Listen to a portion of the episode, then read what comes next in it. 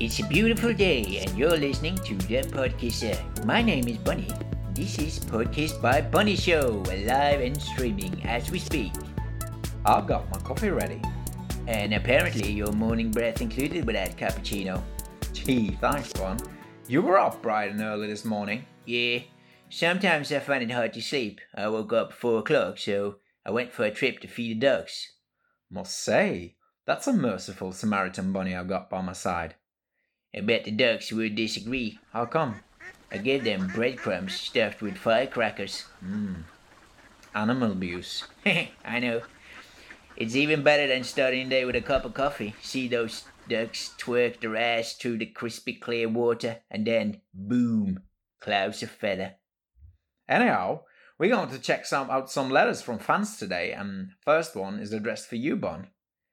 It's a she, and she has a request for you. Always got time for these requests, so where are we meeting? I got some letter panties stashed somewhere, I think. Oh no, she just wanted to, you to do something for her. Which is? She wants you to shave yourself totally, full body, all nude. no fucking way. Well, she looks kinda cute. Could be Taylor Swift. Taylor Swift? Yeah, she sends pictures too, with lipstick smeared all over it, and mmm, smells nice, perfume. Taylor Swift. With braces? Yeah, seems like it. From Sheffield? Well, you know that girl. She's always been a traveler full of surprises. Probably throwing a charity concert in Sheffield tonight. God damn. I'm gonna look like a nude rat if I do this. It's summer season, I'll probably have to save here the rest of the summer. But it might be Taylor Swift, Bon. You say no to her request. Uh, she needs to get a no at some point in her life. Might as well be from a bunny like me. Well, this is not the bunny I know. What can I say? I've become more mature, Storm.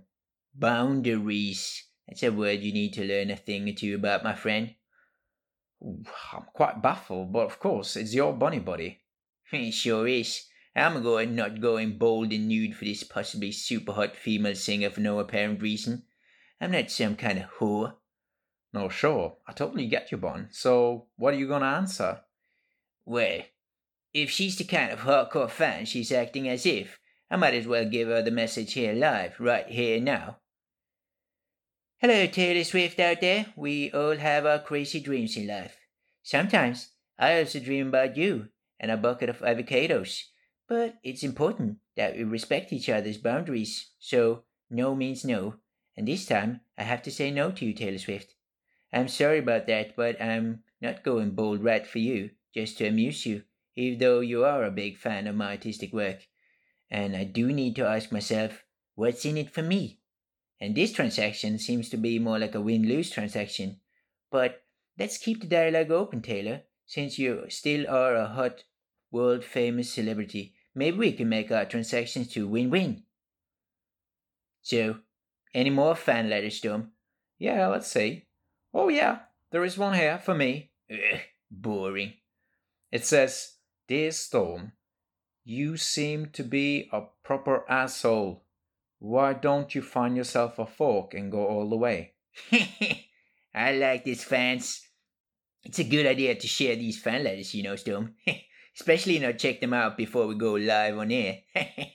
I simply love it. Skills. a fork? Go all the way with a fork? Not sure what that means. Don't worry, Stormy. I'll help you out with some interpretations. I like our fans. Who wrote it? It's a woman called Heidi Alexandra. it's brilliant. I love this girl already. So, when are we going to follow this request? I can find a fork in this very minute if you like. Actually, I think we have one of those big barbecue forks stashed somewhere here in the kitchen. It's a request, Bunny, so I guess I can just ignore it. of course, you chicken shit. I sure can be. And this totally brings me over to our next thing, which is commercial break. You have been listening to, of course, commercial break, you chicken shit.